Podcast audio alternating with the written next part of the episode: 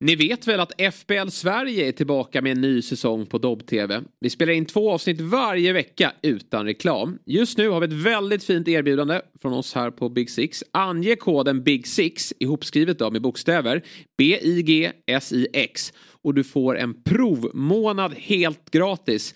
Där jag, Axel Insulander och Tobias Wimnell ger er det senaste från Fantasy Premier League med tips och rekar. Så gå in på www.dobb.tv och starta ditt provabonnemang nu.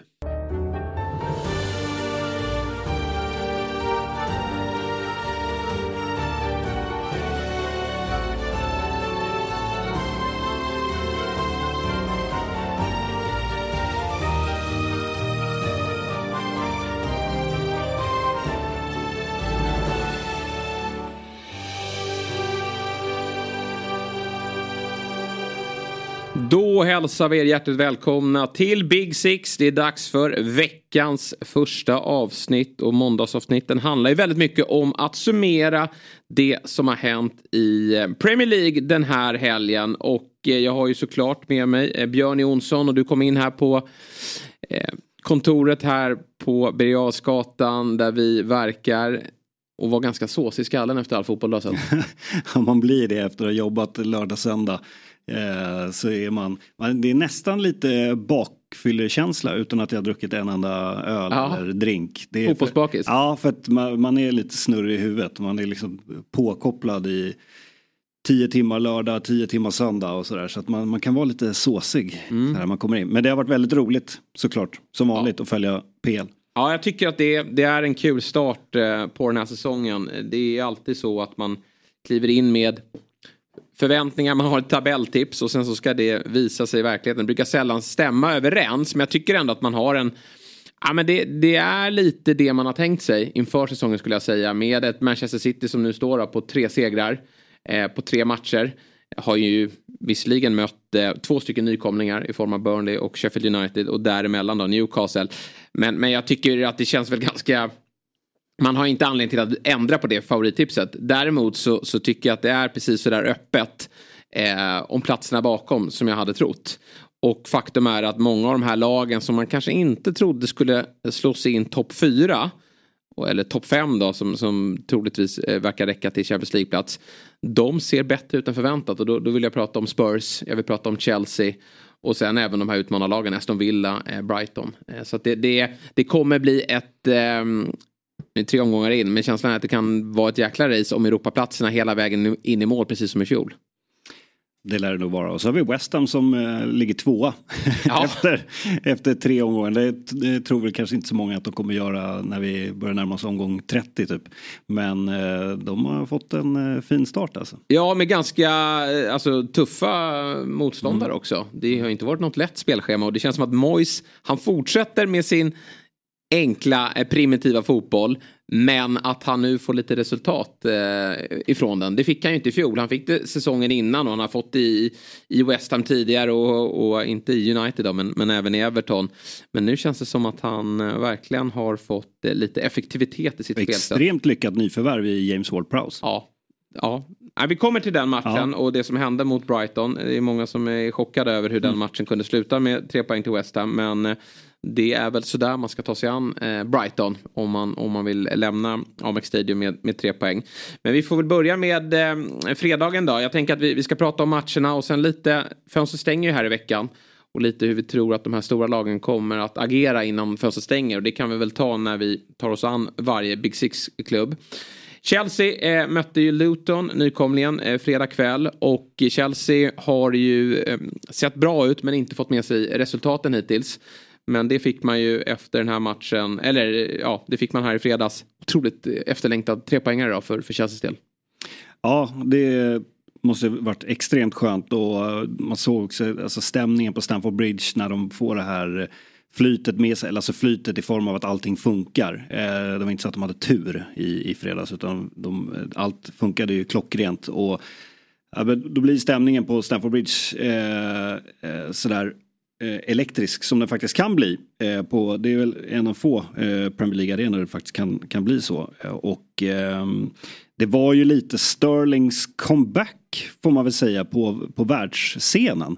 För att vi som har följt Premier League och Sterling man kan ju liksom stånga sig mot huvudet i väggen och frustration över att det, man ser att det finns så mycket kvalitet i honom men det sällan blir den här riktiga slutprodukten. Men nu ser man, vi har ju pratat om det tidigare från omgång ett och två att han har sett bra ut. Mm. Och nu får han, nu, nu kommer ju också poängen här med, med 2 plus 1. Ja. Eh, det var, visst, det är ju bara Luton de möter. Nu vill man ju se Sterling göra det här mot bättre lag. Men, men um, det, oerhört viktigt för honom och eh, för, för Chelsea. Det hade varit kul om det blir en sån här comeback-säsong för Sterling. Ja, vi hade faktiskt den diskussionen uppe i eh, Fotbollsmorgon eh, som jag eh, är med och gästar på lördagar släpper vi det eh, programmet både på Youtube och eh, som podcast. Och då pratade vi om spelare som kan eh, ta sig kragen efter en längre svacka och prestera igen. Det finns ju många exempel på de som helt plötsligt från ingenstans börjar gå ner sig. Och sen på grund av ålder, fysik och så inte orkar liksom hämta sig. Vi, vi nämnde Marcus Rashford som ett bra exempel. Nu han betydligt, eller han är yngre än Raheem Sterling. Och yngre än en spelare som Hazard och Torres och, och Rooney. När de började dippa så var det svårt för dem att på grund av ålder att, att hitta tillbaka. Men eh, Raheem Sterling kanske är ett sånt exempel på en spelare som faktiskt eh, ja, men lite börjar bli uträknad. Han hade ju en tufft sista år i City men då vill man ju, då vill, var det väl snarare som så att man kände att konkurrensen blev för tuff där och att Eh, City ja, var lite för bra för Raheem Sterling och att han behövde en, en, en, ny miljö kanske. Går till ett Chelsea som var en enda stor röra under fjolåret och det var väldigt svårt för honom att prestera. Men då fick man känslan, för han, han är ju bara inom citationstecken 28 år, men det känns som han har varit med väldigt länge. Men då fick man känslan av att ja, men det här är kanske över för eh, Raheems del eh, i alla fall på den nivån som vi har, har vant oss vid. Han har ju några riktigt fina säsonger under, under Pep i, i City. Men starten i år visar faktiskt på något annat. Att han är, börjar hitta tillbaka. Han gör en riktigt fin match borta mot West Ham. Fixar en straff och, och kanske borde fått med sig ytterligare någon, någon eh, poäng i, i, i, antingen som assist eller, eller mål. Då. Men, men han fortsätter på inslagen väg här mot Luton. Och gör ju ett riktigt, riktigt fint eh, 1-0 mål. Och, och Chelsea som har en del skadeproblem framåt och en del lite osäkra kort eh, i form av Jackson som man inte vet vilken nivå han håller men jag tycker att han har visat att han faktiskt är i, i Premier League för att eh, stanna och i, i Chelsea startelva för att stanna. Men eh, de behöver ett offensivt eh, kort som kliver fram här och, och, och bidrar, bidrar, nu när Nkunku och, och eh, Chukwuemeka är borta. Mudrik tror vi väl inte så mycket om, men han är också skadad mm. nu. Så det finns ju eh, ja, en, en, en hel del offensiva namn på den där skadelistan. Och även, man får faktiskt säga att Reece James, han är också borta. Eh, han är ju visserligen högerback, wingback. Men hans offensiv, eh, klart att det, det slår ju också mot Chelsea när han är skadad. Ja, så är det ju verkligen. Så att, eh, nej, jag, jag håller med. Det var ju väldigt sköna besked för Pochettino här och eh, han sa ju efter matchen att, eh, apropå Jackson, att eh, alltså, han kan bli, det, han har potential att bli en världsklassanfallare. En av världens bästa anfallare. Och det, det, det, har man ju sett, man ser ju potentialen i honom i, i, i de inledande matcherna. Men det är precis som Sterling, att eh, man väntar på målen för det är ju någonstans ändå det som räknas i slutändan för en, för en forward och här att få den utdelningen. Så det, det kan verkligen ha varit en islossning även om det bara var mot eh, Luton här. Och sen tycker jag även att eh, Caicedo som eh, gjorde mindre bra inhopp i, i debuten gör ju en bra match här. Eh, så det, det, var många bra besked för, eh, för Chelsea. Mm, perfekt motståndare att få Luton på hemmaplan, ja, eh, Stamford Bridge. För jag tror att publiken har liksom vi som följer Premier League och, och tycker om Premier League sett att Chelsea har varit bra i de två inledande matcherna men bara fått en poäng med sig. Så jag tror ändå att det var det var en eh, optimism över Stamford Bridge inför den här matchen. Och, och den, den eh, känner de nog även när de lämnar den. 3-0 hade kunnat bli större siffror. En annan som gör en, en bra insats det är ju Reece James ersättare Gusto här. Jag tycker väl att i de här matcherna som har varit lite tuffare i form av Liverpool och eh, West Ham så har man framförallt låtit eh, Eh, Reece, ben Chilwell på andra kanten var den offensiva och, och, och högerkanten lite mer försiktigt eh, framåtlutad. Men i den här matchen så får ju Gusto verkligen storma fram. Och när de får båda kanter sådär mot en, en ett, ett sämre motstånd då, då blir Chelsea väldigt bra. Och uh, Gusto får Ja, den första assisten ska ju framförallt tillskrivas Sterlings prestation. Mm. Men, men eh, det andra målet är ju väldigt fint hur han kommer och, och eh, slår en snett inåt bakåt till Raheem. Så att det, var, det var en väldigt imponerande insats. Och det där kontra tidigare år, det har vi varit inne på flertalet tillfällen, att när Reece James går sönder då finns det ingen bra ersättare. Nej. Nu har de verkligen det. Vilket jag tror är bra för Reece James också. Då är det inte den här paniken att, att skynda sig tillbaka och att han kan få stå över vissa matcher. För, för Chelsea är i behov av två eh, vingar eh, som, som, som flyger fram och tillbaka. Ben Chilwell är ju, det är märkligt att han inte hamnar i ett poängprotokoll här. För han, han har han ju... har ju ett läge att, att faktiskt avsluta på mål. Ja. När han är ungefär vid straffpunkten. Och eh, då, då, det är väl det där att det sitter bara i, i bakhuvudet på honom att jag, jag är ju trots allt bara vänsterback. Jag ska ju bara passa. Så han letar ju, jag vet inte om det är Jackson eller Sterling han letar efter. Men han, så slår han bort bollen när han har dunderläge och bara skjuta på mål och sätta den. Ja, men, eh, han som har så fin fot också. Ja, det, det är bara det var lite märkligt. Men det låser sig där. Ja. Nej men eh, så att det var många bra besked. Jag tycker också Gallagher har inlett eh, bra. Eh, visar att han, han, han klarar av att spela på den här nivån i form av att liksom lite bära ett, eh, ett storlag och ett mittfält. Mm. Så att jag, jag, tycker verkligen han håller. Mm. Nej, men han är ju fin där när han, han har hamnat lite i kläm kan jag tycka när, när han ska inte vara en av två som är sittande utan han ska, han, det blir mycket bättre när han får Caicedo och Fernandes bakom sig. Mm. Eh, han är inte en typisk tia, han är väl lite mer än åtta men det är hans offensiva ja. egenskaper man vill få fram och också en skön motståndare för honom att, att, att, att möta här. Så att eh, väldigt bra för Chelseas del. Luton är det väl bara konstatera, liksom många andra, eller liksom övriga nykomlingar, att det, det här blir en, en, en jobbig säsong. Ja, det är ju ett mirakel att de ens tog sig till ja. Premier League. Det var ju ett eh, lag som när de gick upp från League One till Championship var många som tippade att de inte skulle överleva Championship än. Så att eh, det här är ju en, en saga som ju tar slut efter den här säsongen. Eh, eh, tyvärr. Nu ska de ju få sin efterlängtade hemmapremiär här till eh, eh, på fredag mm. igen, en fredagsmatch för dem.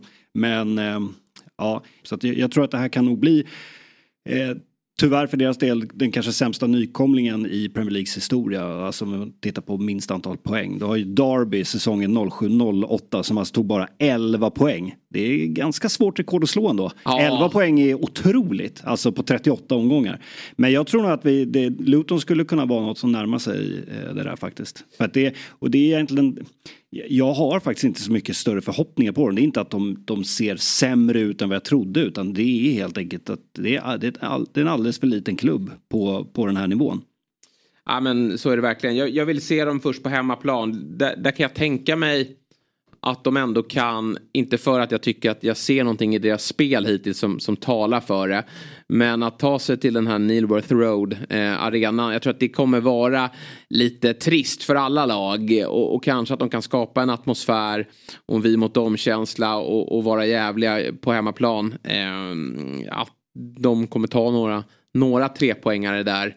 Som gör att de kanske tar sig förbi Darbys rekord. Men eh, ja, det är inte så att de har rustat heller för Premier League-spel utan det har varit en ganska försiktig mm. satsning. Mycket tror jag på grund av att de vill nog ska, eh, alltså även om de åker ur så vill de nog bara skapa en, en stabilitet och, och ja, bygga ut sin verksamhet. En, en bättre träningsanläggning, en bättre hemmaarena och, och, och långsamt eh, bygga upp sig som en, en, en, starkare klubb som kanske siktar på att i sådana fall gå upp igen om några år. Jag tror inte man har större ambitioner än så. Jag tror att hela klubben är medvetna om att det här kommer bli ett, ett jäkligt tufft år. Ja, så är det. Och nu väntar ju ändå ett, ett eh ska man säga, bra schema för, för Luton. Förvisso möter de ju West Ham då på, på fredag men sen är det ju Fulham, Wolves och Everton. Och ska då Luton på riktigt vara med och, och kriga om att eh, eh klara kontraktet då är det ju de där matcherna de ska ta poäng. Ja, ja men så är det verkligen. Så är det verkligen. Eh, en nykomling som eh, lyckades med, med det omöjliga i fjol då, det var ju ändå Bournemouth som vi satt och sa hela säsongen att de kommer att trilla mm. ut men de klarade sig med ganska stor marginal. Nu har de dock fått en, en lite småtuff start. Är, om man jämför Bournemouth med i fjol, inga värvningar, sparkade ju tränaren efter tre omgångar i Scott Parker. Eh, och, och, det var en trupp som, som man kände att bortsett från, från Solanke och Billing att det här är ju faktiskt inte Premier League-nivå. Lite, aningen bättre såklart än, än Lutons eh, trupp men, men verkligen eh, att man hade Bournemouth som kanske det sämsta laget av alla inför säsongen. I år har man ju rustat. Ny tränare, eh, många nya spelare och, och, mm, väldigt många intressanta spelare. Men, men starten är inte kul och eh, på besök då, lunchmatch lördag 13.30 kom ju eh, Tottenham Hotspur. Och vilken start de har fått. Det är ju Postecoglou-feber i eh, norra delen av London. Alltså de är helt eh, lyriska och jag förstår dem. Och de har ju suttit och tittat på uh, världens tråkigaste fotboll de senaste säsongerna. Så det här är ju verkligen eh, något helt annat. Och det, det, det funkar ju verkligen. Eh, och speciellt mot lag som, som Bournemouth. Eh, men jag, jag vidhåller ju ändå att här, när Tottenham möter eh, topplagen de har mött United. Ja, de har mött United, men United har också varit riktigt dåliga. Mm. men det är klart, alltså, det, jag kan inte ta bort deras tre poängare där. Eh, men jag tror att de kommer få det tufft eh, i det defensiva när de möter riktigt bra lag. Eh, och, och, United har ju faktiskt inte sett särskilt, särskilt bra ut, men som sagt, det, det ska man inte ta bort. Eh, men med det sagt, eh, den där offensiven, minus Rikarlison då, ja. men den där trean framför den, är, den är, håller ju hög, hög klass och har ju har inlett väldigt, väldigt bra. Alltså Son, Madison och Kulusevski. Är, de ser riktigt fina ut. Ja, och, och bakom dem, Sar och Bissama. Mm. Vilket centralt ja, fält de har absolut, fått fram. De absolut. har ju sett men man ser bra ut. Alltså, hårt gnuggande, de är bra ja. i båda riktningar också. De är väldigt fina offensivt. Alltså, mm. Vinner boll defensivt och, och, tar sig ur press på ett väldigt bra sätt på defensiv planhalva. Men offensivt också, rörliga mm. och, och, och, sticker in bollar. Alltså, Sars passning till Madisons 1-0 mål är ju fullständigt briljant. Så jag, jag tycker att det det är, de har ingen nia som fungerar just nu även om det är synd om Richarlison i just den här matchen. Det är lite Jackson innan han fick sitt mål. Alltså han funkar ju bra i spelet ja. men målen kommer ju inte. Ja. Det blir intressant att se vad Postecoglou gör med Richarlison här. Om de, ja, dels då, om de kommer, det pratas ju om att de ska ta in en, en offensiv spelare här nu mm. innan fönstret stänger. Och då är det Brennan Johnson, alltså Nottingham Forest. Ja anfallare slash ytter, eh, second striker som är, som är högaktuell. Eh, kan bli faktiskt ganska intressant. I det tror jag är en bra värvning. Ja, för de kan använda honom på så, på så många olika positioner. Så att, det är ingen spelare som, som kanske startar den första matchen men, men definitivt eh, sätter lite press på offensiva spelare. Men eh, jag tror väl någonstans att de, de ska ge Richarlison lite tid här nu. Nu kommer ett ganska lätt schema i form av, eller fortsatt lätt schema, Burnley och eh, Sheffield United. Och, och, det kan vara matcher som det kanske mm. lossnar. För det är väl det enda frågetecknet just nu, att de inte har en nia som levererar. Samtidigt som Spurs som lag fortsatt vinna. Son har ju fortfarande inte gjort mål. Men, men det är andra spelare som kliver fram. Alltså Madison är ju ah, men precis så bra som man målar upp att det kan bli. Alltså man ser honom i Leicester men tänk om han kan få en bättre omgivning som spets på ett mittfält där han kan trä in bollar, mm. där han kan få röra sig fritt och få spela en offensiv fotboll. Det är precis det han får nu under Postecoglou och det är en match made in heaven. Han är ju... Nej men alltså Southgate ska ju starta med Madison bakom Harry Kane. Jag minns att eh, inför VM i Qatar då var det ju diskussioner. Kommer han komma med i trupp eller inte? Det, för mig var det helt overkligt att det ens var en diskussion. Eh, för att det är få engelska mittfältare som står på det som Glenn Strömberg brukar prata om, double figures. Som gör liksom tio, tio mål och, och, och eh, assist. Så att absolut, egentligen kanske också lite förvånande att inte fler klubbar var där och ryckte i om. Å andra sidan, de andra storklubbarna har väl sina James Madison på plats. Många har ju det.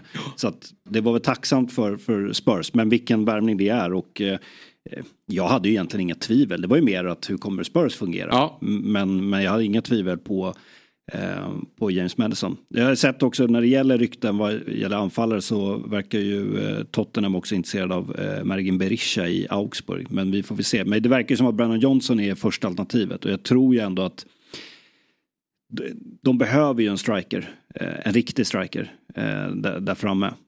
Och som sagt, jag är lite tjatig där men skulle nästan vilja se att de plockar in ytterligare en mittback alltså, som, av, av hög, hög klass. Det är mm. svårt att plocka och speciellt så här i slutet på fönstret. Men eh, inför de eh, riktigt tuffa matcherna så, så har jag fortfarande lite frågetecken. Men det är väldigt kul att kolla på Spurs och man ser ju också att de här offensiva spelarna tycker att det är väldigt kul att spela. Ja, Nej, men Kulusevski har ju redan nämnt det och eh, han skiner ju nu. Viktigt för honom att göra mål just när det diskuteras offensiva namn. För han är en sån kommer de inte flytta på. Nu tycker jag Son också börjar se bättre ut. Men Son är en sån som skulle kunna ta Richarlisons plats också. Mm. Eller kanske att man skulle kunna avlasta, att man, man skulle kunna byta plats på dem. Richarlison har ju spelat ute till vänster. Han behöver inte vara nia. Och, och få in Son lite närmare mål tror jag också är ett sätt för Spurs att få igång hans målproduktion. Och göra Spurs ännu bättre. Mm. Men jag, ja defensiven överraskar ändå på mig. De har de två raka nollor. Visst att mm. motståndet eh, United på pappret bra men gör ju en dålig match i omgång två. Och Bournemouth på hemmaplanen då. Det är inte alla som lämnar, eh, lämnar den matchen med hålla nolla. Så det, det, är starkt. Men, eh, jag kanske får pudla sen precis som jag gjorde med Mudryk. Ja. Eh, fast omvänt då till att, till att eh, hylla. Men som du nämner med, med Bournemouth. Alltså det är ändå lite intressant. Det är alltså, tittar man på nettospendering. Nu är ju inte fönstret stängt än. Då är det eh, den klubben som alltså ligger fyra vad gäller alltså nettospenderat mest. Alltså 1,5 miljarder i nettospendering. Det är bara United, Chelsea och Arsenal som har spenderat mer om man räknar då, alltså lägger ihop det man har fått in och det man har eh, sålt för. De har ju inte sålt för särskilt mycket men de har ju verkligen plockat in en hel del. Ja, det är högt spel också med tanke på att de skickade en framgångsrik ja. tränare från i fjol. Och nu då eh, tar in Iraola som, som mm. uh, har en fått Jag tror att räddningsplankan för Bournemouth är att uh, det finns uh, betydligt sämre lag. Det tror jag också. Nu, herregud, nu möter man ett Spurs som ser väldigt bra ut och, och, och um, jobbar att slå just nu. Och sen hade man Liverpool på, på Anfield. Så att det, det är två tuffa motståndare. Vi får se hur de ser ut då mot, mot lite sämre lag. Nu ska de väl dessutom åka till Stamford Bridge va? Eh, Bournemouth i nästa match. Det, det är ingen rolig eh, inledning. Men jag tror att de har lite mer tålamod med, med sin tränare. Ja, det, tror, de det tror jag också. Ja, ja det, de har koll på hur tuff starten är. Men eh, ja. Spurs, ja, de ska möta Brentford först. Sen, Spurs, sen ska eh, blir ju en utmanare till Champions League-platserna. Det är, ja, där vill jag ha dem. där vill jag verkligen absolut. ha dem med tanke Och som på, du var inne på, det kommer vara tajt. Det kommer vara eh, riktigt tajt. Alltså, jag tror Spurs kan lämna den här säsongen som sexa, kanske sjua och mm. känna att vi är på rätt väg. Mm. Men det var faktiskt några lag som, som eh, gjorde det bättre mot slutet. Men det får inte vara som så att man slutar sjua och så är det 15 Nej. pinnar upp till en Champions League-plats. Utan det, det, det, kan vara tajt där. Och eh, i och med att man slipper spela i Europa och, och dubblera så, så, är det fullt fokus på, på Premier League på helgerna. Mm. Vilket bör eh, gynna dem. Men det är klart att man eh, någonstans även skulle... Alltså det, går inte, det är oundvikligt att inte tänka på ett Spurs eh, med Harry Kane och det här sättet de spelar på. Oss. Nej, då med tanke på att Håland inte har sett klockren ut så då kanske han hade gått för eh, och vunnit skytteligan den här säsongen. Ja, ja, ja. ja, nej, verkligen. Det är en kittlande tanke att se. Eh, de hade kunnat bli, alltså, undrar nästan de hade kunnat bli eh, titelutmanare med Harry Kane i det här laget. Ja, så men, på så sätt att de flyger fram. Det är en kittlande tanke. Ja, I alla fall för Spurs. Då hade det verkligen känts som att man hade varit tillsammans med Arsenal den bästa utmanaren. Så bra som mm. de ser ut nu. Men eh, vi får se då om Richarlison eller någon annan anfallare eh, kan kliva in och, och, leverera där. Jag tror ju som sagt även att Son skulle kunna vara bra i den där eh, nummer nio rollen. Vi får se hur, eh, vad, vad Postecoglou eh, kokar ihop här till, till nästa match då på, på Turf Moor. Ett poddtips från Podplay. I fallen jag aldrig glömmer djupdyker Hasse Aro i arbetet bakom några av Sveriges mest uppseendeväckande brottsutredningar går vi in med hemlig telefonavlyssning och, och då upplever vi att vi får en total förändring av hans beteende. Vad är det som händer nu? Vem är det som läcker? Och så säger han att jag är kriminell, jag har varit kriminell i hela mitt liv men att mörda ett barn, där går min gräns. Nya säsongen av Fallen jag aldrig glömmer på Podplay.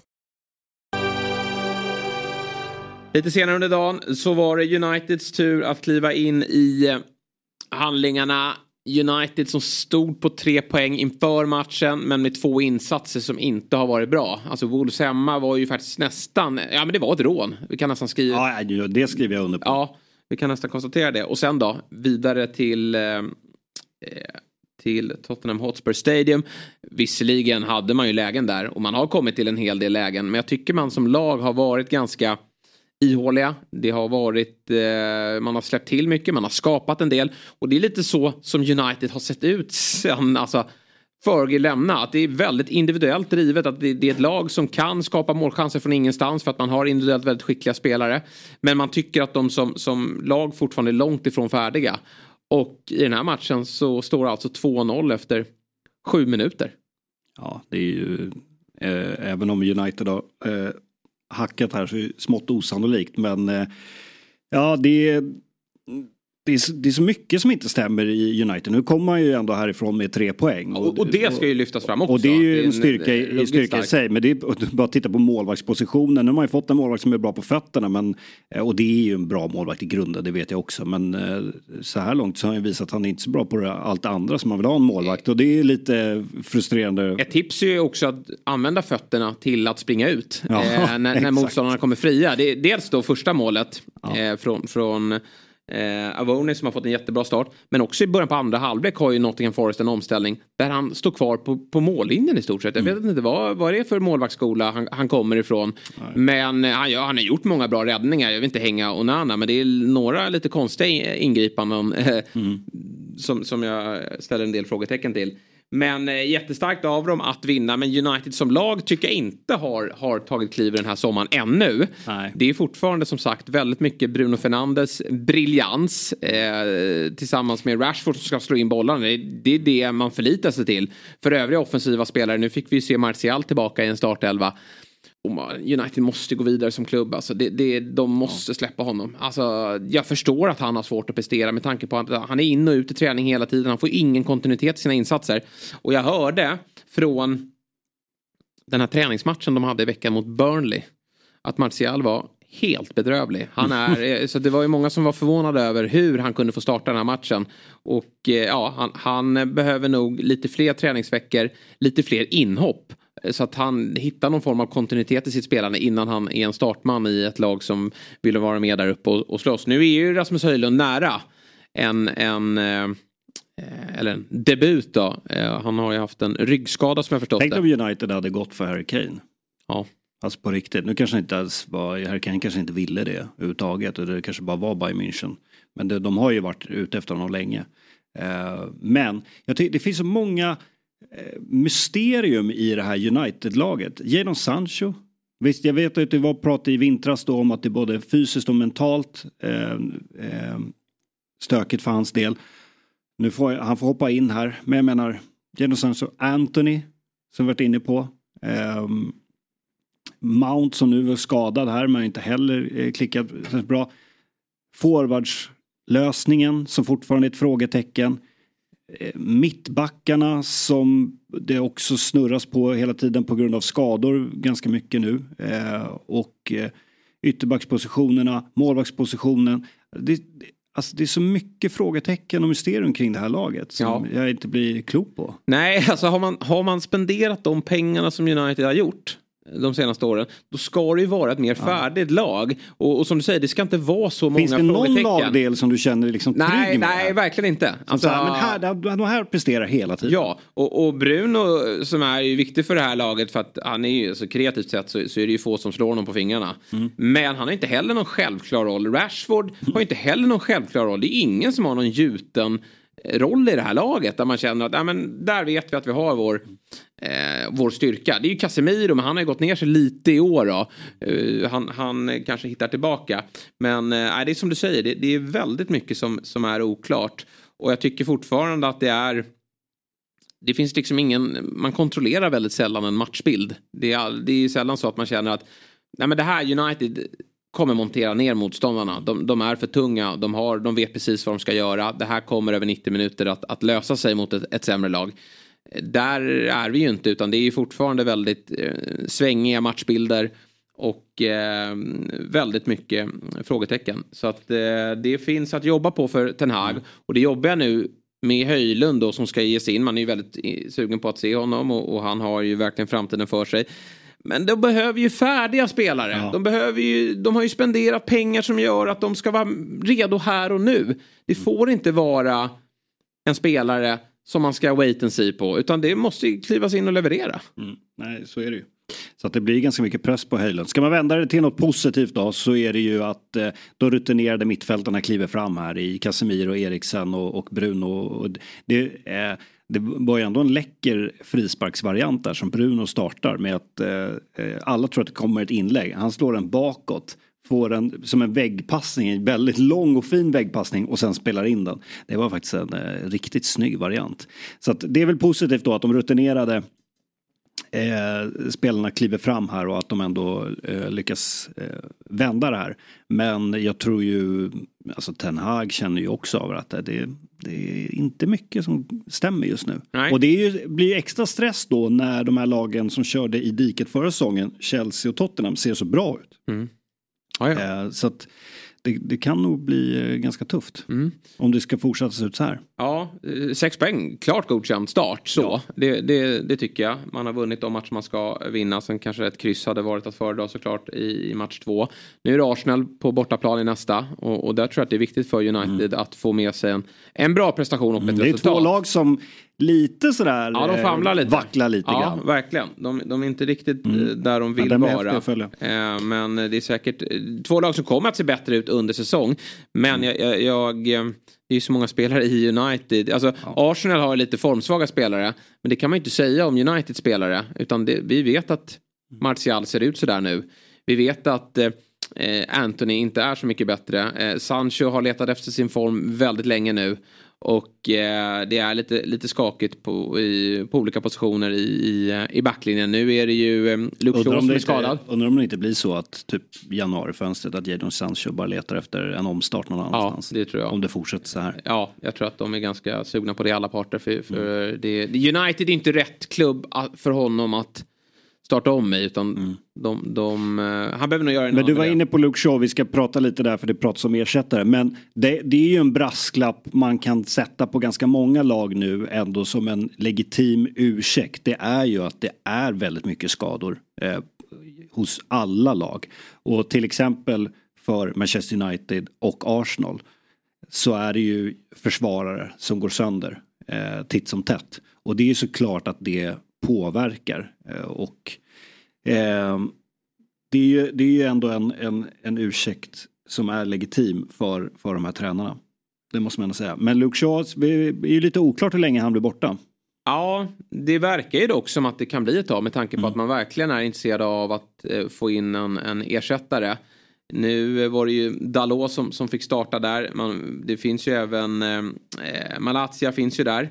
Eh, även om han eh, är skadad nu också. Så de, de behöver ju ta in en vänsterback. Och då har det pratats om eh, eh, Kukureya i, i Chelsea. Som, som eh, fortfarande har det kämpigt där. Eh, Ryan Bertrand, gamla Southampton och Leicester-spelaren. och vi har även Region eh, från Spurs. Och sen även då Alonso. Så det är mm, gamla Premier League-spelare. Men ingen är väl eh, är ju inte glödhet för stunden direkt.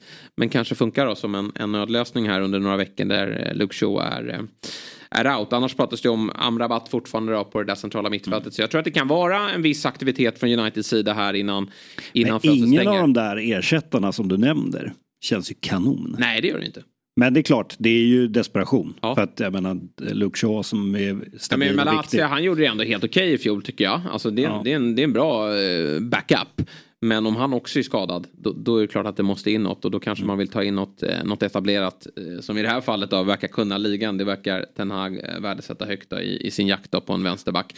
Men nej, frågetecken måste bli utropstecken. Eh, om United ska eh, ta fler poäng mot bättre lag framöver. Det kan inte bara krävas att Bruno trollar fram något och att eh, Rashford är, är vass sista tredjedelen. Utan United måste bli bättre som, som, eh, som helhet. Det blir ett rejält test på söndag. Ja, verkligen. Mot- Den matchen ser man fram emot. Och Arsenal då väntar på eh, bortaplan. Ett Arsenal som man trodde skulle stå på nio poäng efter tre spelade matcher. Mm. Men som väldigt märkligt nog tappar poäng här mot Fulham. Det, det skulle man inte ha gjort. Det Nej. var ju, man hade ju väldigt mycket lägen. Mm. Och när man får, när man står för den här vändningen från 0-1 till 2-1, en man mer, då ska det ju bara vara klart. Det finns ju, finns ju en del att säga om, om den här matchen och Arsenals inledning. Dels, de som är allergiska mot så här XG-siffror får vi hålla för öronen nu då. Men Arsenal har ett XG på 3,26 i den här matchen och Fulham har 0,56. Så att det är väl klart att spela om den där matchen tio gånger så, vi, så vinner ju Arsenal väl nio av tio. Eh, men jag börjar bli lite irriterad på Arteta och eh, det här eh, dribblandet med mm. framförallt backlinjen. Visst, det, det, är skador. Men du har ju Gabriel där. Gabriel och Saliba. Hur klockrena var inte de förra säsongen? Och förra säsongen så spelade han i princip samma elva hela tiden. Och nu dribblas det, och även på eh, nummer nio positionen. Alltså du har Enketia, du har Kai Havertz som visade i, eh, i eh, Community Shield hur bra han funkar.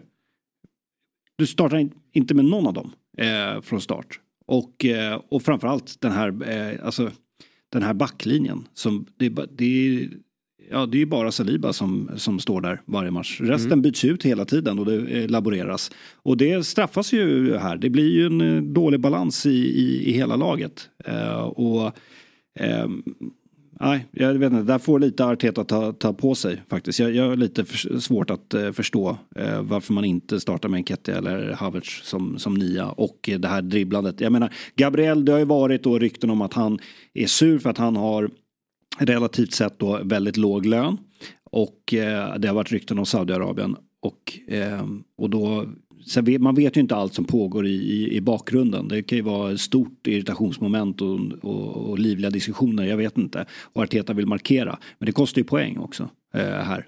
Eh, jag är helt övertygad att med Gabriel här i, i den här elvan så, så, så, stänger de den här matchen och, och överlag inte släpper till de här målen. Sen det är klart att det är svårt för en sån som Arteta att eh, eh eh förbereder sig för att Saka ska slå den där idiotpassningen i början som gör att Fulham får ett eh, bjudmål.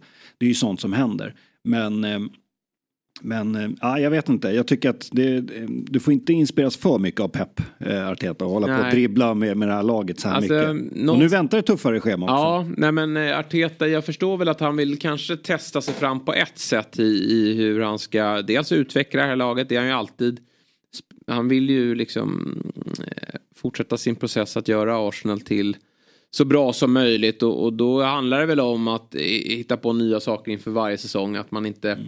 även om det har varit ett framgångsrikt koncept med, med den här elvan som vi verkligen kan eh, och har sett har gjort det bra. Eh, och, och, i år väntar, eh, väntas det fler matcher.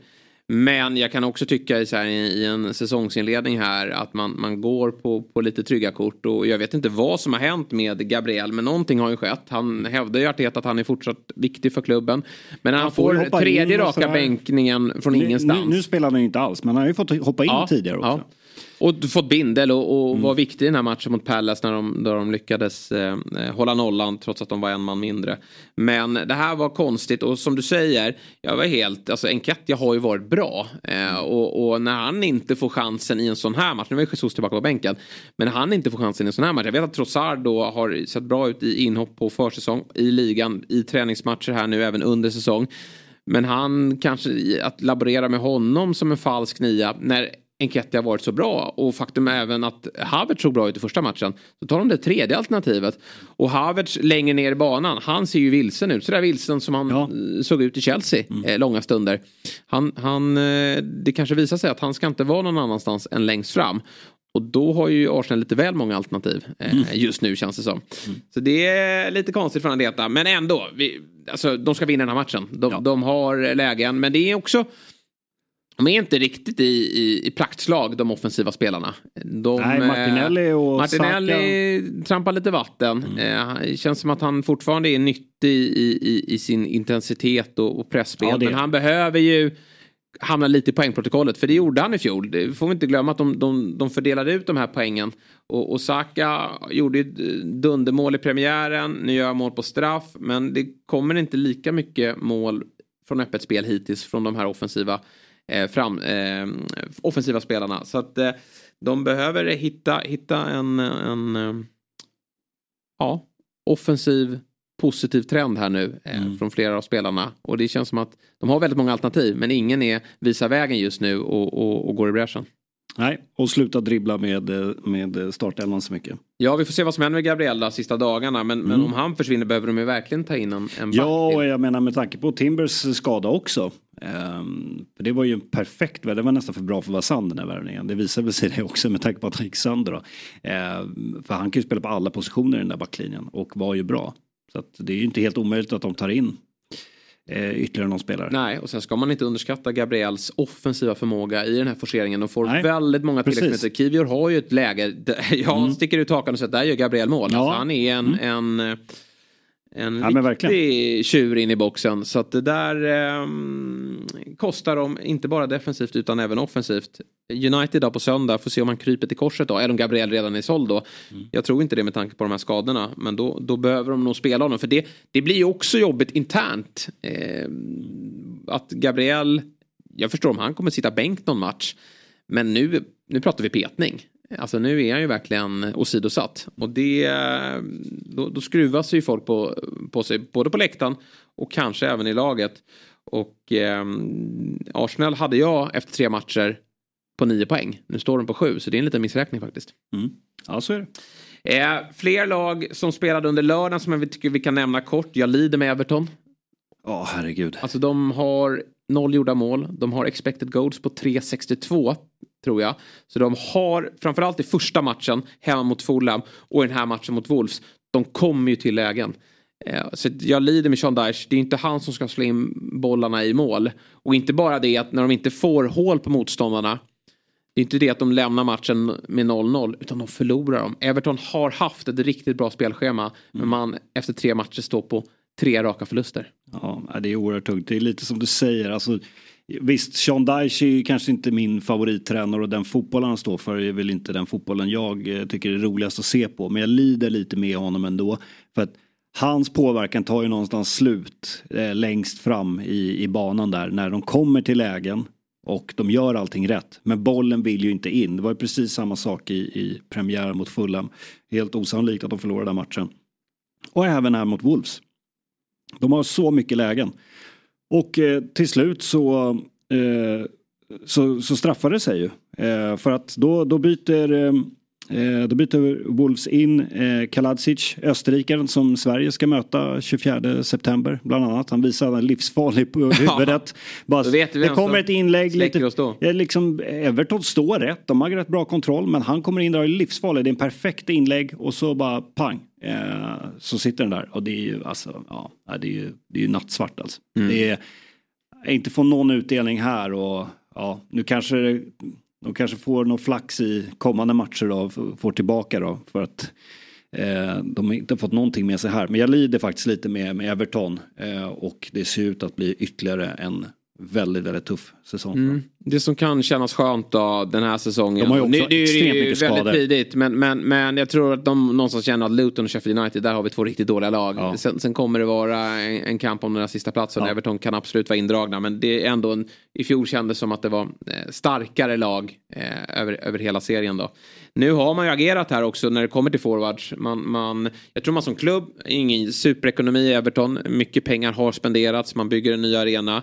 Och man har Cavett Lewin längst fram som man har stora förhoppningar på. Men, men nu till slut så, så ger man, jag säger inte, man ger inte upp honom såklart. Men man har ju tagit in portugisen eh, Beto från Udinese här. Som, eh, kommer från, eh, som kommer från en säsong där han gjorde 10 mål på 33 matcher. Och eh, säsongen dessförinnan var han utlånad till Udinese och då gjorde han också 11 kassar. Och tittar man på, det är inga jätteklubbar han kommer ifrån, ganska en, en doldis karriär. Han har en, en ungdoms, eh, något ungdomsår i Benfica men det är ganska svaga klubbar faktiskt i, i Portugal. Men, men han har faktiskt varje år levererat ganska mycket mål. Nu eh, är det ju kittlande på så sätt att för, för hans del att här har du plats, platsen längst fram. Vi, vi behöver någon som kan göra mål. Du kommer få dina chanser för, för han som brukar vara här. Han, han, han är inte här för att han är skadad hela tiden. Så att eh, Beto, vi får se om han kan lösa det här.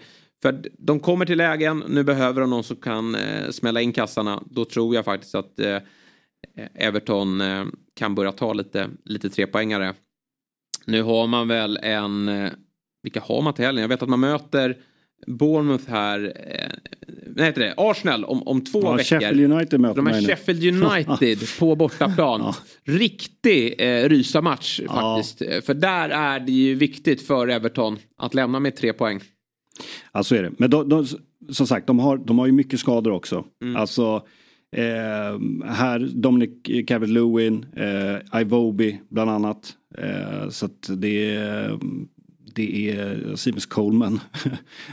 ja, han är, kommer han någonsin tillbaka? Nej, kanske aldrig. Efter Men eh, André Gomes också ja. eh, skadad. Så att det, det är ändå eh, rutin och viktiga spelare eh, som, som de saknar här. Så mm, att, eh, det, det jag tycker är lite tråkigt då. Det, ja, men de har ju skador där. Mopey sitter ju på bänken den här matchen. Att han inte ens får komma in det säger att de har gett upp. Ja, lite så. Liksom. Han gör ju inga fler mål. Nej, men, men den här Danjuma då som... Eh, det är lite farligt när du värvar en spelare som ja, men för några säsonger sedan såg väldigt bra ut. Men mm. faktiskt kommer från lite av en frysbox. Dels i Villarreal, sen i Spurs. Han är ju inte i slag. Nej. Och att då han får det här ansvaret, spela längst fram. Du är den som ska göra mål nu när Calvert Lewin är här, inte är här. Iwobi inte där heller. Ja, det blir eh, lite väl mycket press på honom. Så att, eh, ja, vi lider med Everton.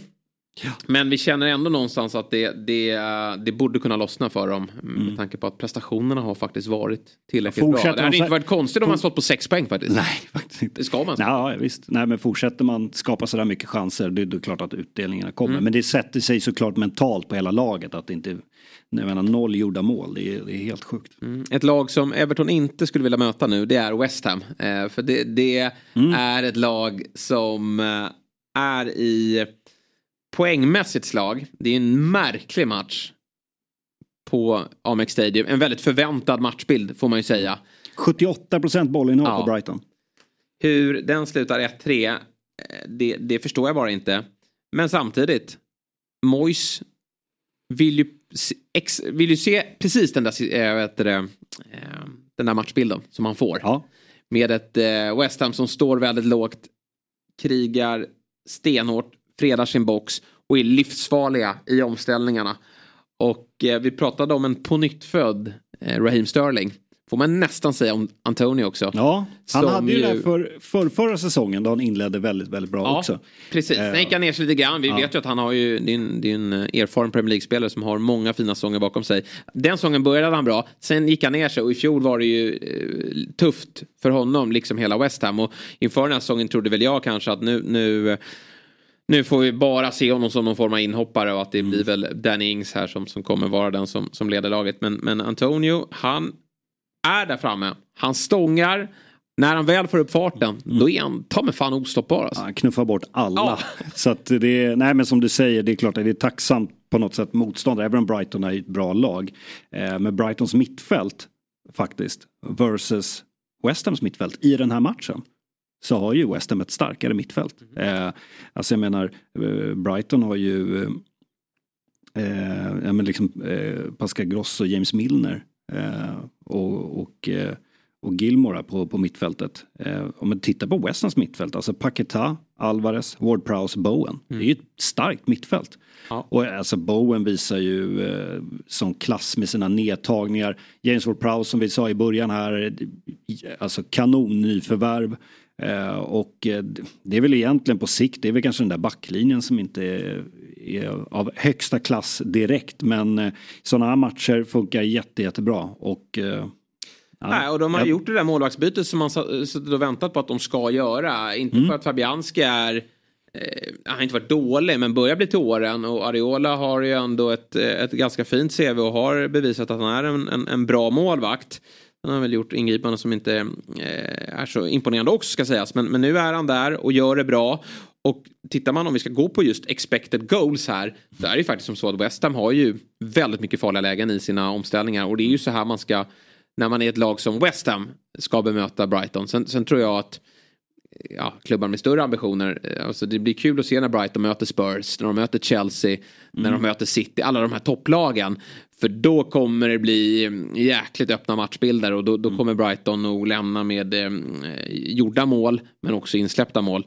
Men eh, jag, jag, tycker att livet efter Rice ändå är ljust. Sen, sen är väl det här en fotboll som man kanske över tid eh, vi, skäll, vi skäller på topplagen när de, när de står för eh, enbart kontringsfotboll att man har svårt att, att kontrollera matcher. West Ham kontrollerar ju inga matcher. Nu möter de Luton i nästa. Mm. Det är mm. intressant att se hur de tar sig an en sån match. Där man förväntas faktiskt äga mer boll och, och, och, och trycka ner nykomlingen. Och man kan behärska det. Jag tycker att det finns spelare där som verkligen behärskar det. Men, men det är en annan typ av matchbild än det här där man bara får ligga och, och, och, och um, kontra på sina eh, sina um, snabba omställningsspelare.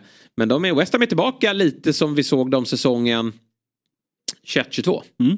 Eh, I fjol då, trots att man vann eh, Conference League då, en, en liten missräkning i ligan. Men, men nu går det att känna igen Mois gamla kontringsfotboll. Mm. Ja, verkligen. Ja.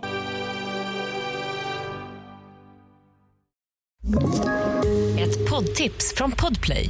I fallen jag aldrig glömmer djupdyker Hasse Aro i arbetet bakom några av Sveriges mest uppseendeväckande brottsutredningar. Går vi in med hemlig telefonavlyssning och, och då upplever vi att vi får en total förändring av hans beteende. Vad är det som händer nu? Vem är det som läcker? Och så säger han att jag är kriminell, jag har varit kriminell i hela mitt liv men att mörda ett barn, där går min gräns. Nya säsongen av Fallen jag aldrig glömmer på Podplay. Vi eh, tar oss till söndagen då och eh, där så var det ju tre fighter. Och vi... Eh, jag, jag, jag, vet inte vem det var i Premier League-studion eller eh, som sa det. Men sitter vi inne med darr på ribban. Det var väl en ganska bra eh, referens här i friidrotts-VMs eh, tider. det var nära att det slutade riktigt illa för dem. Ja, jag tycker inte de... Från ingenstans. Nej, nu är ju Pep nere. Han är väl eh, hemma i Barcelona eh, efter att ha opererat ryggen. Mm. Och missar ju de här matcherna innan landslagsuppehållet. Eh, ska vara tillbaka efter det i, i, september. Men jag tycker inte City ser, de ser inte riktigt påkopplade ut. Jag tyckte man började, de började spela först vid 1-1. Mm. Och då öste Då kände man igen City igen. Eh, det är klart, det är bara en start på säsongen och det är typiskt mästarlag att börja trumma igång lite sakta. Men det finns ju ändå lite frågetecken om det finns en mättnadskänsla i det här laget som vinner trippen. De har ju liksom bockat av allt man kan göra. Um, men um, nej, det, det, det här ehm, det, det, ser inte riktigt eh, klockrent ut och Håland missar straff och uh, allting. Så att det är, det är lite lurigt. Mm, jag tycker så här, City är ju absolut tillräckligt bra för att vinna. Alltså Sheffield United är ju ett dåligt lag och de har ju ingen De har ju flera omställningschanser ja. men, men de är ju för dåliga. Ja, de, de får dåliga. ju så många lägen att ställa om men det, det, det räcker inte till. Det är ju sådär när man som lag på nedre halvan möter City då har man ju bara en förhoppning om att vi ställer bussen här och så hoppas vi att City är lite slöa i inledningen och inte riktigt är, är påkopplade från start. Då kan vi äh, hålla, då kan vi freda vår box och, och hålla äh, stången äh, och förhoppningsvis ta det till halvtidsvila. Mm. Och sen bara be för att City inte växlar upp allt för mycket. Nej. Nu gör ju Haaland till slut, då, han har ju mängder av lägen, han bränner straff, han gör till slut 1-0 och då känner man att nu kommer City Eh, få lite mer ytor när Sheffield United kliver framåt. Men det dröjer ju innan Sheffield United vågar kliva framåt. Och det förstår jag, för man kan inte blotta sig i 65, 70, 75. Nej.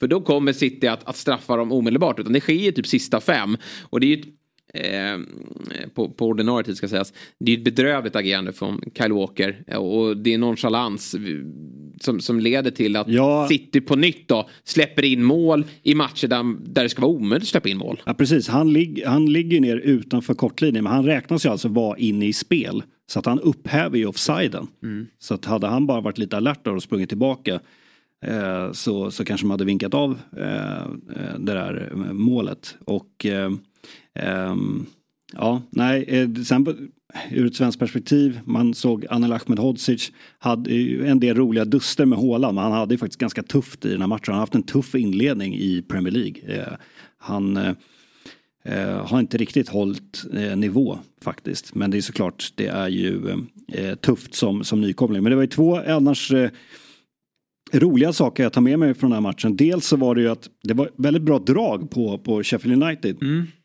Eh, och de sjöng ju publiken mot Håland så sjöng de ju You just a shit Billy Sharp. Mm. Eh, och eh, då drog de ner, eh, noterade vi från kontrollrummet, då drog de ner publikljudet.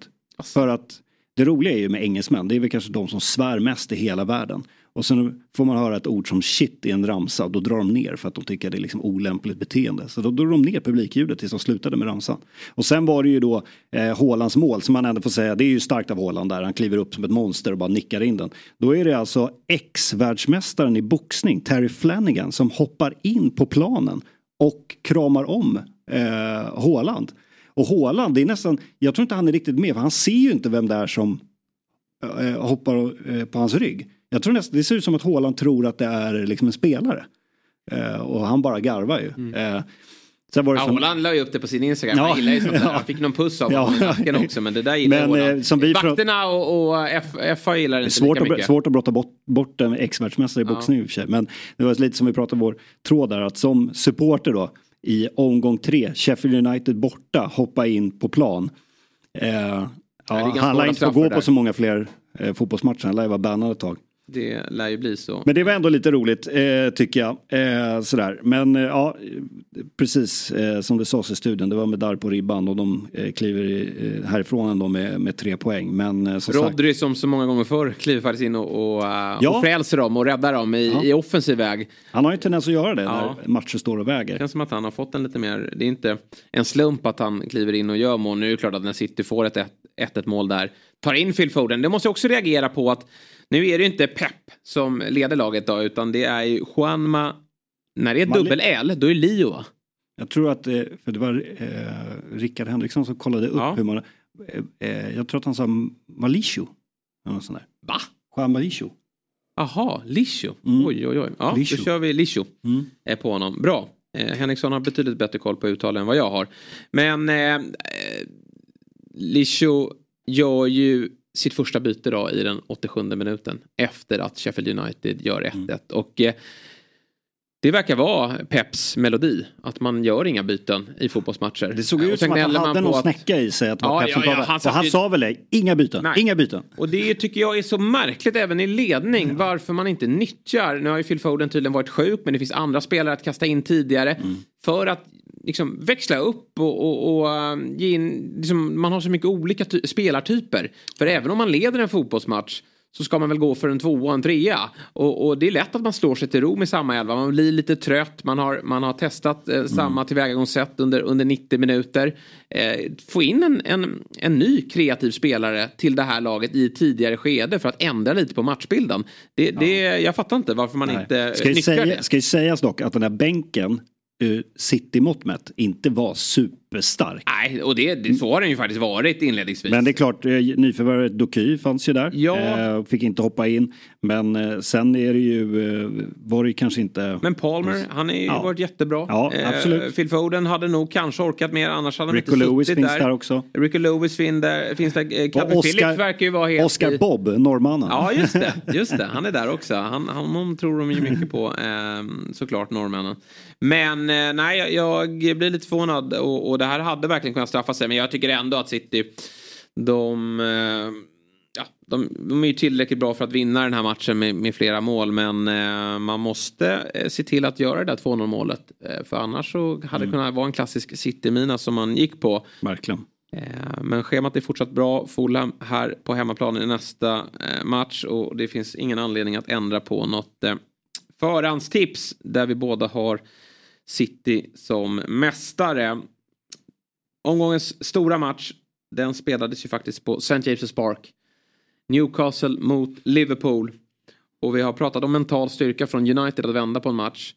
Jäklar vad den här vändningen boostar eh, Liverpool.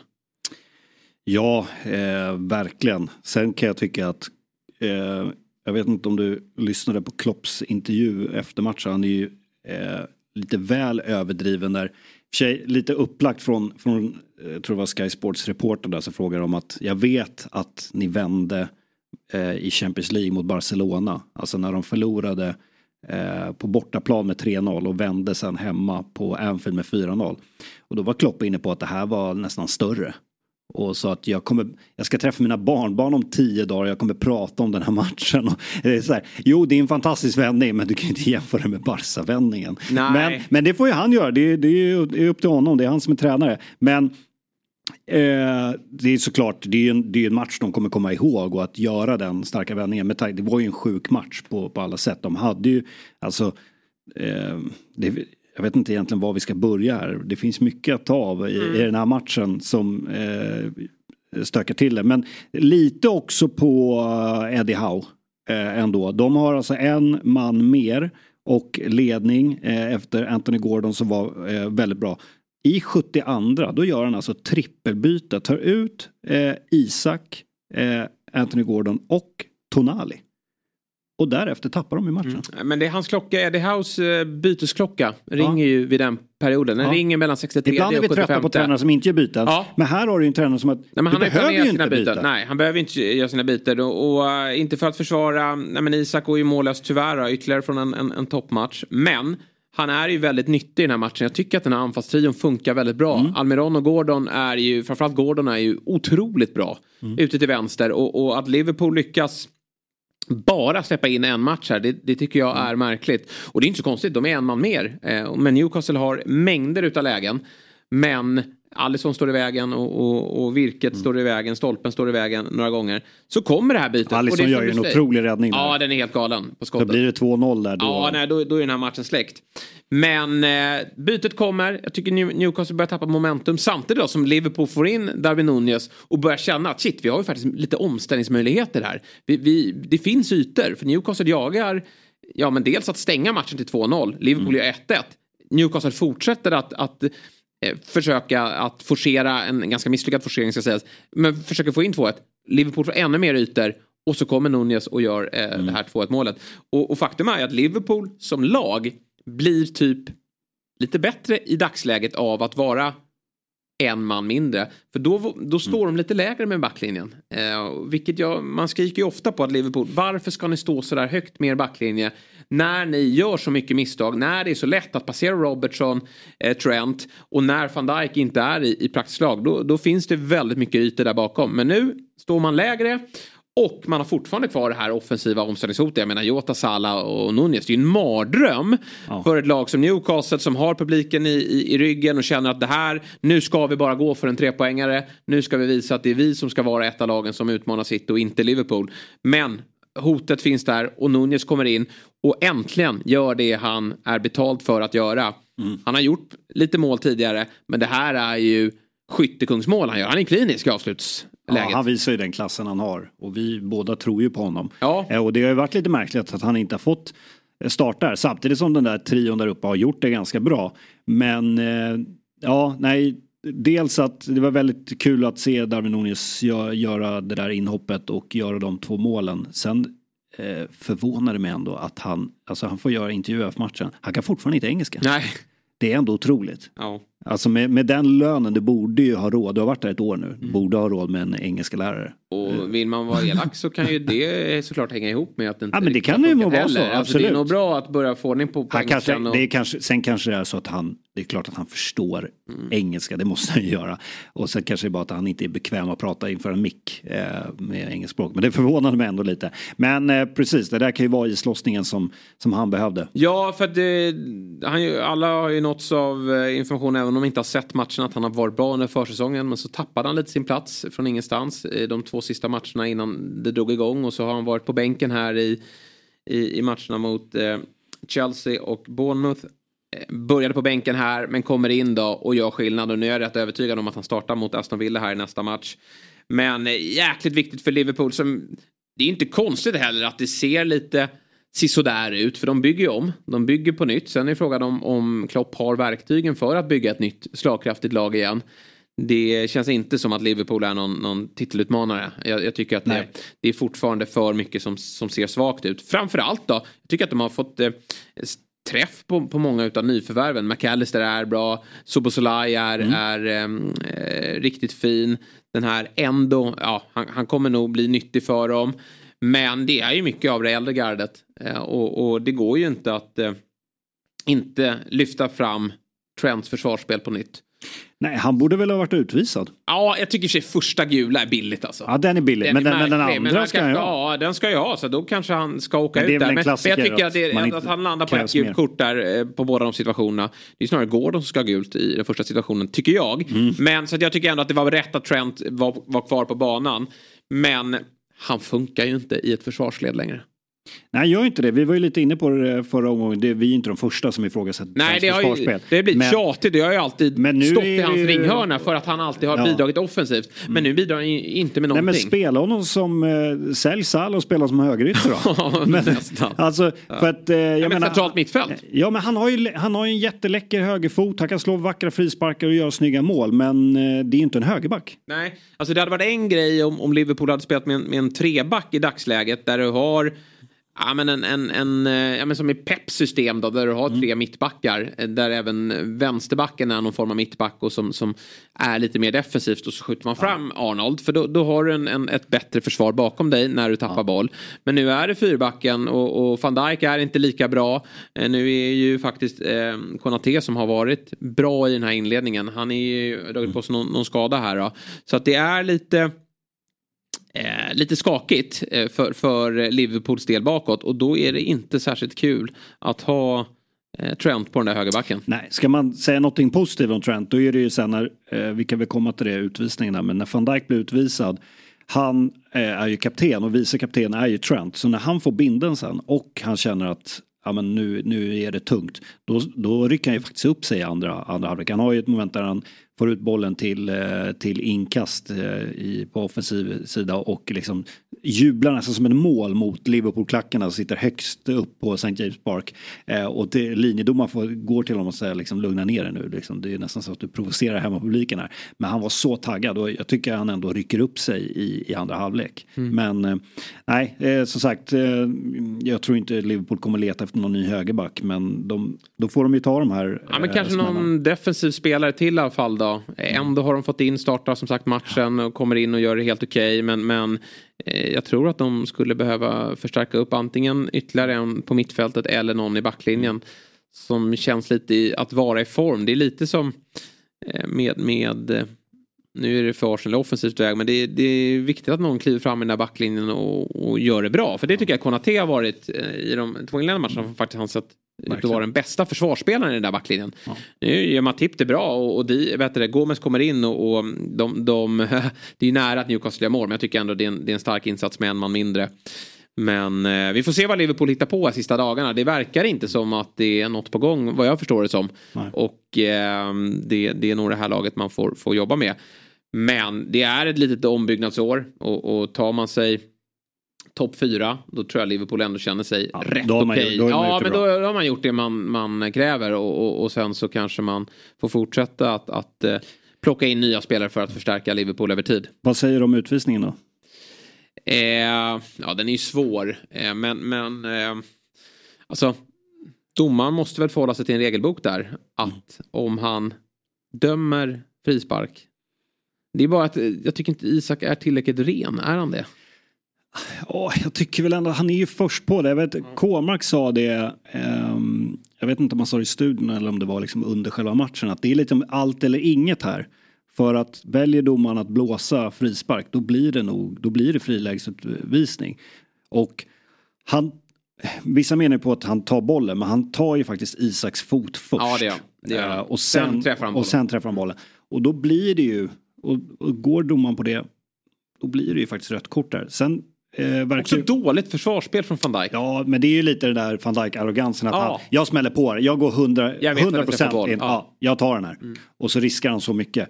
Sen riskerar han ju längre avstängning för tydligen så ska han ju sagt något i stil med han gick ut. Eh, det är ett jävla skämt, något i den stilen till, till domarna. Och det Eh, kan eh, resultera i att han får en längre avstängning. Ja, men jag tror, VAR gör ju rätt där för de, de ska ju mm. bara kliva in om det är något såklart fel och, och det går ja. som sagt att definitivt hitta mm. stöd för men det. Det går, i... det går ju fort där och det är lite eh, van Dijk, han, han har ju liksom lite den här hybrisen i sig att han, han tar den här mm. och han går all in.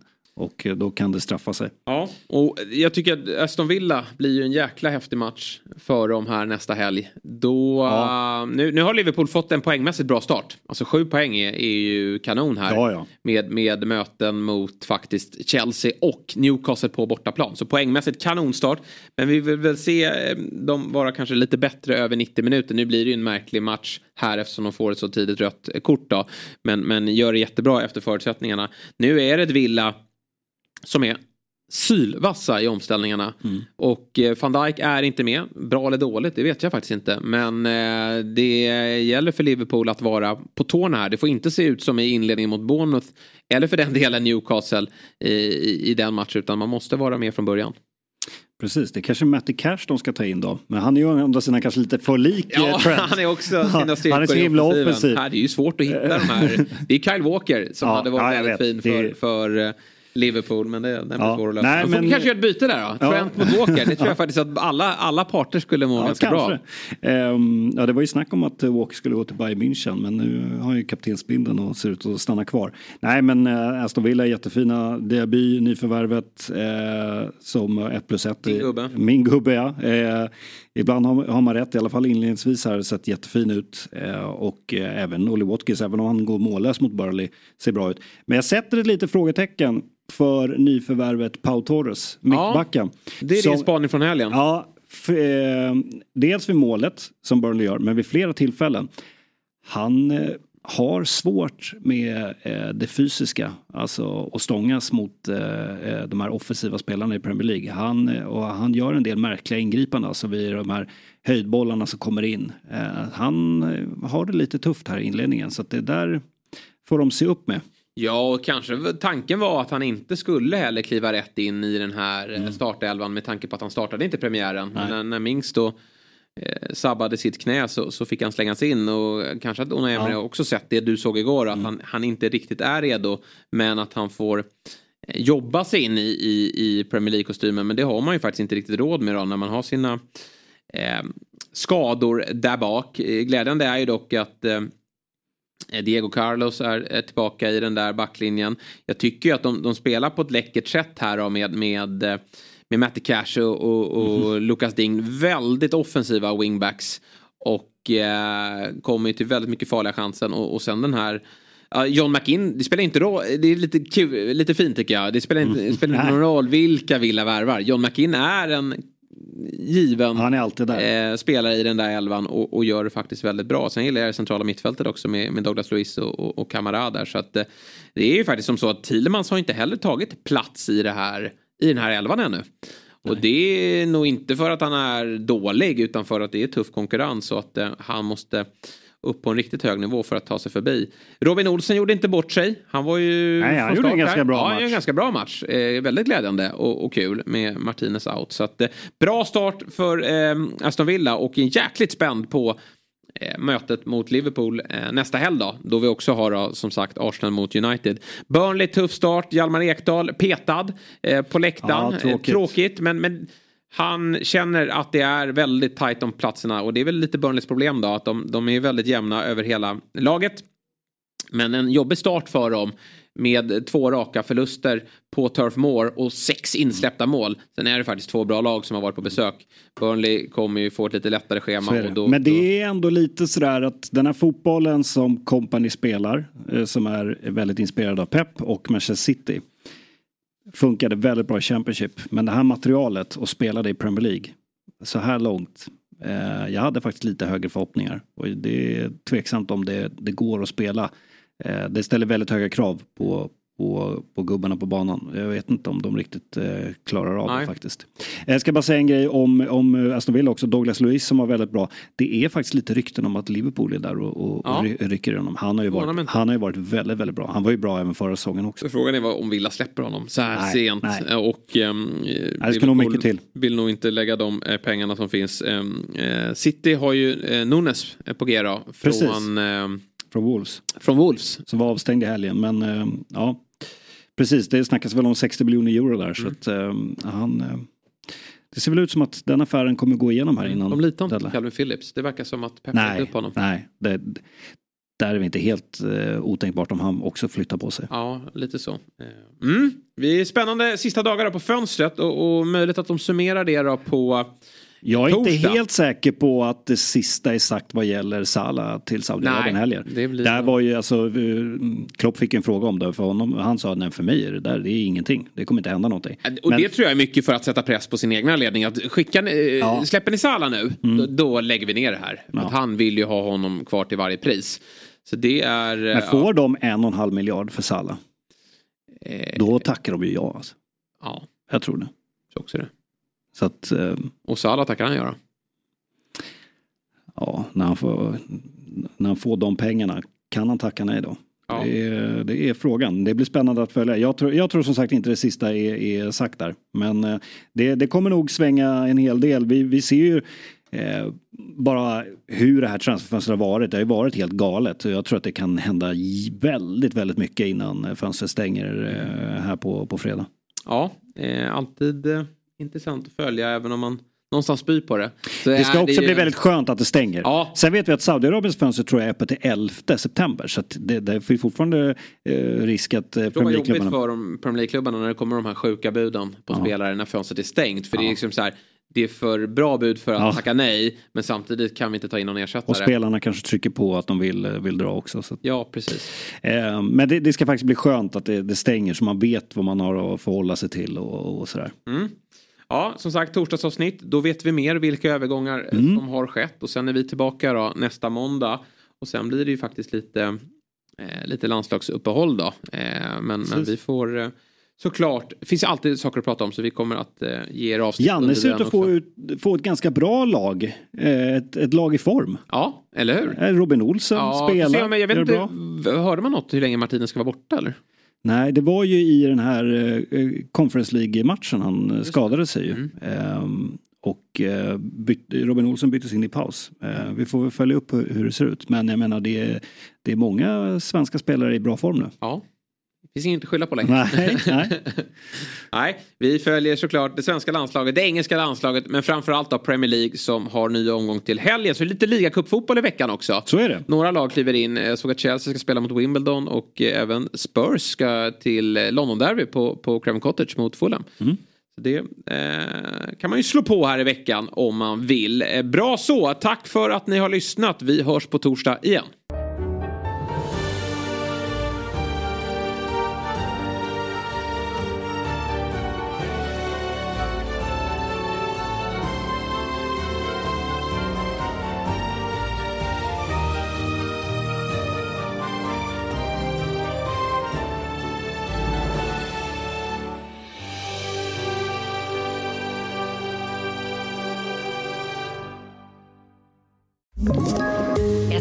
Poddtips från Podplay. I fallen jag aldrig glömmer djupdyker Hasse Aro i arbetet bakom några av Sveriges mest uppseendeväckande brottsutredningar. Går vi in med hemlig telefonavlyssning och, och då upplever vi att vi får en total förändring av hans beteende. Vad är det som händer nu? Vem är det som läcker? Och så säger han att jag är kriminell, jag har varit kriminell i hela mitt liv men att mörda ett barn, där går min gräns. Nya säsongen av Fallen jag aldrig glömmer på Podplay.